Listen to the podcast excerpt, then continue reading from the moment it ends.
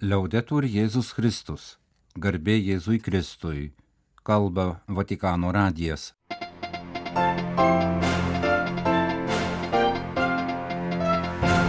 Malonūs klausytojai šioje šeštadienio birželio 10 programoje.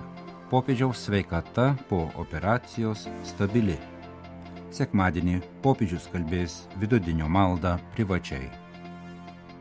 Vatikane įvyko pirmasis žmonių brolybės susitikimas. Šventojo sosto komunikacijos dikasterijos prefekto kalba katalikiškos žiniasklaidos konferencijoje Baltimorėje. Devintinių švenčiausiųjų Kristaus kūno ir kraujo iškilmės Evangelija ir monsinjoro Adolfo Grušo homilija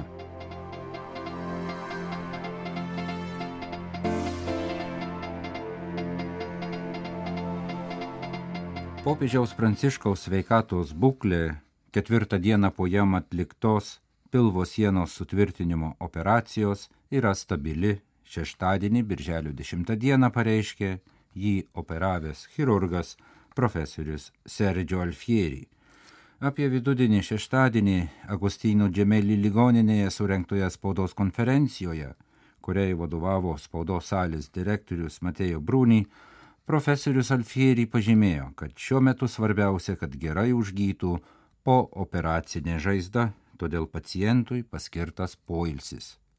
Spaudos konferencijoje patikslinta, kad pagal popiežių gydančių medikų ir asmeninio slaugo patarimus, sekmadienio vidudienį paprastai Šventojo Petro aikštėje vykstančią viešpaties angelo maldą popiežius kalbės privačiai ligoninės palatoje, dvasinėje vienybėje su visais šioje maldoje dalyvausinčiais tikinčiaisiais. Birželio 10-ąją Vatikane ir kitose Romos miesto vietose šurmuliavo pasauliniai žmonių brolybei skirtas susitikimas. Jo programoje išsiskiria du momentai - 29 Nobelio premijos laureatų, pavienių asmenų asociacijų ir organizacijų atstovų konferencija bei vakaro programa Šventojo Petro aikštėje. Buvo numatytas ir tiesioginis popiežiaus pranciškaus dalyvavimas atšauktas dėl operacijos. Susitikimą bendradarbiaudamas su kitomis Šventojo sosto institucijomis surengė Vatikano fondas Fratelli Tutti. Kaip byloja pats jo pavadinimas, jo tikslas yra iniciatyvos pagal popiežiaus pranciškaus enciklikos Fratelli Tutti apie žmonių brolybę ir socialinę draugystę išvalgas bei nuostatas. Tarp susitikime dalyvavusių Nobelio premijos laureatų yra ne vienas, kuris ją nusipelnė būtent už didelės ištvermingas ir vaisingas pastangas praeitie ar šiandien įtvirtinti žmonių brolybę kartais labai sunkiuose kontekstuose, kuriuose dešimtis metų buvo liejamas kraujas ir vyravo nesantaika.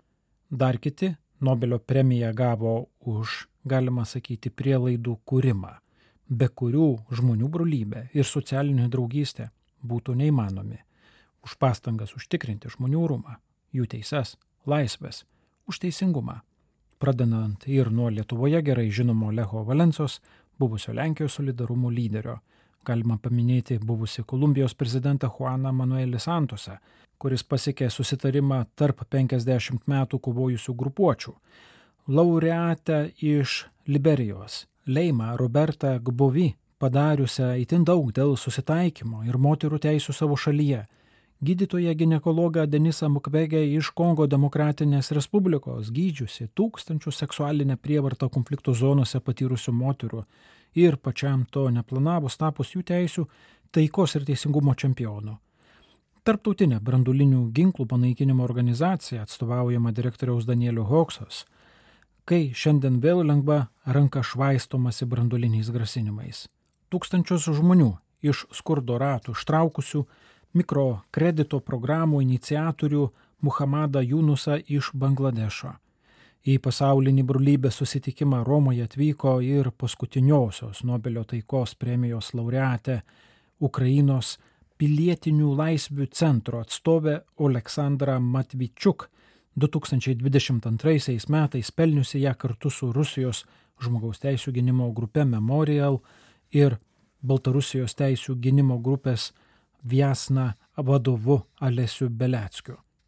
Į Nobelio premijos laureatų grupę Birželio 10-osios ryte kreipėsi artimiausias popiežiaus pranciškaus bendradarbis kardinolas Pietro Parulinas, pasak kurio jų susitikimas ir buvimas kartu yra vilties ženklas pasauliai. Jūs pasiryžote sujungti kiekvieno turimų skirtumų ir patirties turtus, kad liudytumėte tai, kas bendra mūsų žmogiškumui ir leidžia atpažinti, jog esame broliai ir seserys, kaip moko šventasis tėvas savo magisteriume. Veikimas brolybės dvasia yra atsakomybė, kurios negali vengti tie, kurie pašaukti gaivinti tarptautinių santykių kultūrą. Daugelis iš jūsų savo pasirinkimais ir gestais konfliktų zonose savo gyvenimo pavyzdžių parodėte, kad nutrūkus dialogui santykiai sunyksta ir kad vienijanti brolybė gali būti stipresnė už skausmą, kuris skiria. Daugelis iš jūsų gali paliūdyti, kad kantrus dialogų tinklo audimas yra sunkus, dažnai skaudus ir malonumo neteikiantis, bet būtent dėl to kilniausias darbas žmonių bendruomenės labui vietos ir tarptautiniu mastu, sakė kardinolas Parulinas.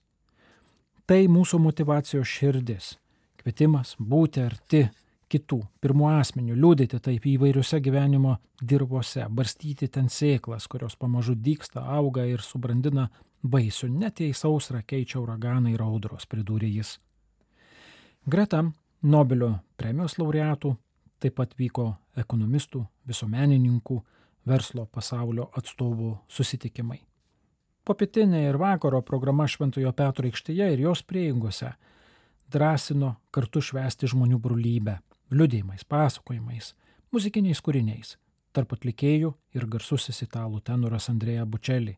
Šventojo Petro aikštės prieigose įrengtas maisto produktų turgus. Šventojo Petro aikštė taip pat televizijos tiltais buvo sujungta su kitomis aštuoniomis aikštėmis, kur vyko panašus renginiai. Konge, Centrinės Afrikos Respublikoje, Pietų Italijoje, Etijopijoje, Argentinoje, Japonijoje, Peru ir Izraelyje. Susitikimo programa numatė du simbolinius gestus. Vieną - Nobelio premijos laureatų minčių apie žmonių brolybę pristatymą. Antrą - iš įvairių pasaulio kraštų kilusių vaikinų ir merginų apsikabinimą po Šventojo Petro aikštės kolonų arkomis. Kaip žinia, Berninio suprojektuotos dvi aikštės kolonados simbolizuoja bažnyčią, kuri apkabina pasaulį. Abiejose gestuose buvo numatytas popiežiaus dalyvavimas atšauktas dėl atliktos operacijos. Susitikimo proga parengta popiežiaus Pranciškaus kreipimasi, perskaityta kardinolo Mauro Gambeti, pristatysime kitoje laidoje. Kalba Vatikano radijas, tęsėme programą. Junktinių Amerikos valstijų Baltimorės mieste birželio 7-9 dienomis vykusioje katalikiškos žiniasklaidos konferencijoje Šventojo Sosto komunikacijos dikasterijos prefektas Paulo Rufini paragino katalikų komunikacijos specialistus semtis įkvėpimo iš pirmųjų apaštalų vienybės ir bendrystės. Trečiadienį Baltimorėje prasidėjo kasmetinė katalikiškos žiniasklaidos konferencija kurioje keli šimtai žurnalistų, socialinės žiniasklaidos redaktorių susirinko pasidalinti idėjomis apie katalikams skirtos žiniasklaidos ateitį. Konferencija vyko gyvai, kai kurie dalyviai prisijungė nuotoliniu būdu. Šventojo sosto komunikacijos dikasterijos prefektas Paulo Rufini pasveikino susirinkusius žiniasklaidos profesionalus. Sėkminės Arbabelis savo kalboje Paulo Rufini priminė, kad konferencija vyko praėjus vos keliolikai dienų po sėkminių iškilmės. Įvykio, kuris nutraukė baimės grandines, surišusias mokinius po Jėzaus mirties ir suteikė jiems šventosios dvasios galę skelbti pasaulio jo prisikėlimą. Tačiau, kaip pastebėjo Rufinė, mūsų amžius kartais atrodo labiau panašus į sumaištį, kilusią po Babelio bokšto sunaikinimo, kaip pasakojama pradžios knygoje. Atrodo, kad visi vienas kitą neteisingai supranta, o paskui skundžiasi, kad buvo nesuprasti, sakė jis.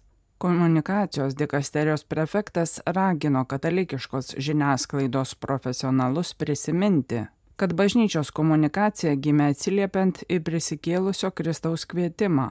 Jei pažvelgsime į lotynišką termino komunikaciją šaknį, galime pastebėti, kad jis jungia du kitus žodžius - kum, kartu ir munus. Dovana funkcija, sakė Paulo Rufini.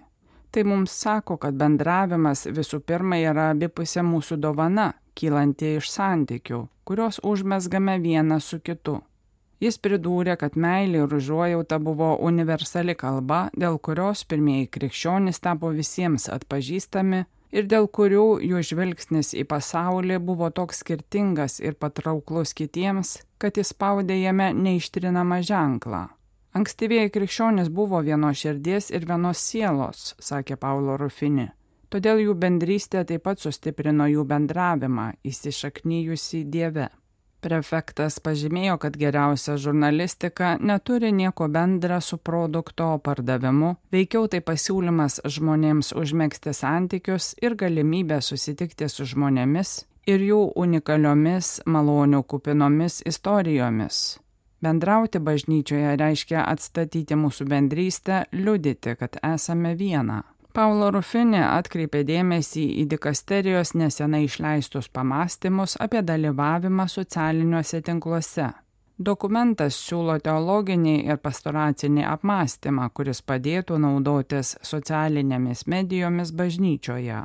Baigdamas kreipimąsi komunikacijos dikasterijos prefektas pakvietė katalikiškos žiniasklaidos profesionalus žvelgti anapus technologinių aspektų ir į rinką orientuoto siekio Mums reikia nuolankaus ir kantraus kūrybiškumo tų, kurie ieško ne vienos dienos ferverkų, o ištikimų santykių, įkvėptų mus vienijančios dvasios, sakė prefektas, apibendrindamas, kad tikslas, kurio turi siekti katalikiška komunikacija, yra bendrystė.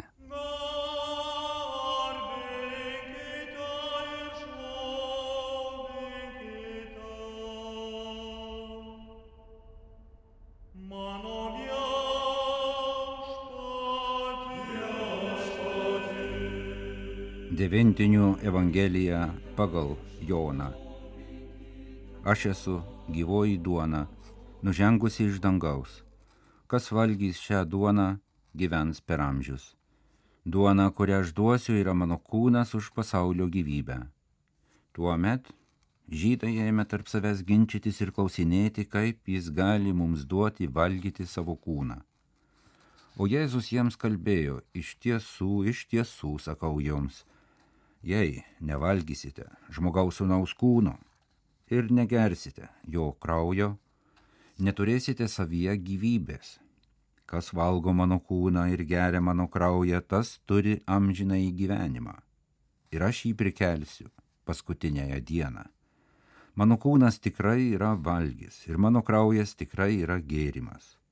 Kas valgo mano kūną ir geria mano kraują, tas pasilieka manyje ir aš jame. Kaip mane yra siuntęs gyvasis tėvas ir aš gyvenu per tėvą, taip ir tas, kuris mane valgo, gyvens per mane. Štai duona, nužengusi iš dangaus, ji netokia, kokią protėviai valgė ir mirė. Kas valgo šią duoną, gyvens per amžius. Monsignoro Adolfo Grušo homilija didžiausia dovana po duonos ir žuvų padauginimo. Jėzus stebuklingai pamaitinęs jį sekusias mines, Kafarnaumo sinagogoje kalbėjo apie ką tik regėtą stebuklą. Šio pasakojimo ištrauką bažnyčia šiandien skaito šventųjų mišių metu. Praktiškai visa Jėzaus kalba buvo sukoncentruota šiame sakinyje, kas valgo mano kūną ir geria mano kraują, tas turi amžiną į gyvenimą. Šis teiginys Jėzaus klausytojus nustebino ir nuvylė. Kaipgi jis gali mums duoti valgyti savo kūną? Atsakymą išganytojas davė jau vėliau, kai paskutinės vakarienės metu paėmė duoną ir vyną ir juos padalino mokiniams tardamas imkite ir valgykite, nes tai yra mano kūnas, kuris už jūs atiduodamas. Imkite ir gerkite, nes tai yra mano kraujas, kuris už jūs išliejamas. Šie esminiai prieš du tūkstančius metų nuskambėję žodžiai, kasdien atkartojami visame pasaulyje, kad tai, ką pasakė mūsų viešpats, įvyktų dabar tikinčiųjų širdyse ir atneštų jiems dievišką palaimą. Drauge, suvokiant, jog visa tai vyksta kasdien, atsiranda pripratimo pavojus, todėl siekiant jo išvengti, šiandien bažnyčia švenčia švenčiausiojo Kristaus kūno ir kraujo iškilmę. Žodžiai apie Kristaus kūną ir kraują, tapusius mūsų maistu, veda į mūsų tikėjimo esmę. Jais parodoma Dievo meilė žmogui. Mes esame kviečiami suvokti savo tikėjimą ne kaip asketišką, mums išdėstytų tiesų pripažinimą, bet kaip gyvą santyki, glaudų ryšį su pačiu Dievu. Valgyti ir gerti viešpati. Terminai labai konkretūs, netgi savotiškai žiaurūs, tačiau iš vienos pusės žvelgiant jais parodoma, kaip labai žmogui reikia Dievo, o iš kitos kokią meilę Dievas parodė, norėdamas numalšinti šį autentišką žmogaus alkį ir troškulį. Jėzus pranašystėse buvo pavadintas Emanueliu, Dievu su mumis. Eucharistija kaip tik ir yra šios pranašystės išsipildymas. Dievas yra su mumis iki pat galo, visiškai atiduodamas save, tapdamas vieną su mumis. Žinoma, tai iš pagrindų keičia mūsų gyvenimą. Žmogus nebėra paliktas vienas, priverstas kovoti su savais vaiduokliais ir baime, blaškydamasis tarp kankinančių prisiminimų ir neaiškių perspektyvų. Galime sakyti, jog Euharistijoje mes atrandame savo dabarties, harmoningai susijusios su mūsų praeitimi ir ateitimi įprasminimą. Visuomet yra žmonių žvelgiančių į savo praeitį kaip į istorinį dalyką, prisiminant ją su šviesiu ilgesiu ir lyginant su dabartimi jiems atrodo, kad praeitį reikia tik apraudoti, ignoruojant ar pamirštant visas blogybės ir suklupimus, matant tai, kas praėjo tarsi aukso amžių, kuomet viskas buvo gražu ir viskas sekėsi. Yra ir tokių žmonių, kurie dabartį mato kaip vienintelę gyvenimo apraišką, kabindamiesi į ją su maniakišku užsispyrimu, stengdamiesi išspausti iš jos visą, kas atrodo vertinga ir įmanoma, nesiskaitant su tuo, kokią kainą už tai teks užmokėti. Dar kiti entuziastingai žvelgia į ateitį, ten matydami tik nesiliaujantį progresą arba priešingai bijodami, kad dabarties problemos gali dar labiau išaukti ir jie nebepajėgs jų nugalėti. Tuo tarpu Euharistija įgalina atrasti teisingą santykį su laiku. Jie primena praeitį, kad neužmirštume didžiausios dovanos. Dievas taip pamilo pasaulį, jog siuntė savo sūnų išgelbėti žmonijos. Drauge Euharistija ragina neraudoti dėl praeities, nes visa, kas geriausia yra atiduota mums dabar, tai Dievo meilė, gyva ir veikianti mumyse. Negana to, Dievo meilė yra pati tikriausia mūsų ateities garantija ir todėl mes į ateitį žvelgime ne su baime, o su viltimi. Sakyčiau, jog didesnės dovanos nebuvo galima tikėtis.